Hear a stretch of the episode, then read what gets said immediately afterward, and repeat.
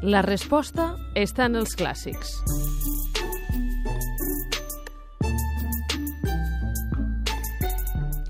Domna, lo jorn que eu me partí de vos, partí mon cor del cors e tenc sabia. No saivas un, mas bé pes que vos vesia.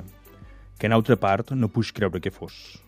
Això ens ha costat una mica d'entendre. Això és en occità. Eh, ens ho ha dit el Joan Santanac, que és l'editor de l'editorial Barsino, i ara ens ho dirà en un català més comprensible per nosaltres. Mica més comprensible. Endavant.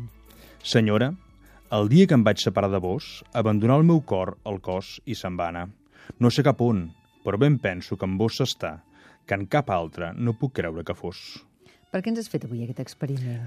Uh, bé, a mi em sembla que l'occità sempre està bé de sentir, eh? i a més a més és un occità escrit per un poeta català, Andreu Febrer, uh, és un poeta del, del 15, que és famós per diverses coses, per la seva obra lírica, però també perquè va ser el primer a traduir en vers la, la Divina Comèdia de Dante, això ja el 1429, i per tant és un personatge uh, culturalment molt significatiu.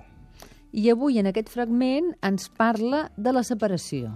De la separació. En aquest cas és una separació en un context amorós, eh, és la, la dama que s'ha separat, no sabem en quines circumstàncies, per un viatge o pel que sigui, del, de l'enamorat, i l'enamorat nota un buit. I el buit que nota és el del cor. I diu, no sé cap on s'ha anat el cor, però suposo que deu ser amb vos. Clar, el cor segueix la dama, no? I llavors això ens permet parlar de la separació, ja sigui d'un amor, ja sigui d'un amic, ja sigui dels avis, ja sigui d'un oncle, del que sigui. No? Ja sigui de les cartes del Pokémon. Avui no portes les cartes ah. del Pokémon a l'escola, i allò és una separació dolorosa, no eh, per l'infant. No se m'havia acudit que el cor es podia quedar amb les cartes del Pokémon, però ah. segurament també és possible. Sí, sí, sí. I això no ho podrem trobar. Ho, poseu, ho trobarem en, en l'edició crítica de l'obra d'Andreu Febrer, feta ja fa uns quants anyets per Martí de Riquer, a la col·lecció dels Clàssics, d'Editorial Barsino, que al seu torn forma part de, de la Fundació Carulla. Doncs gràcies per apropar-nos, com sempre, als clàssics a l'Ofici d'Educar. Moltes gràcies, Joan. A vosaltres, un plaer.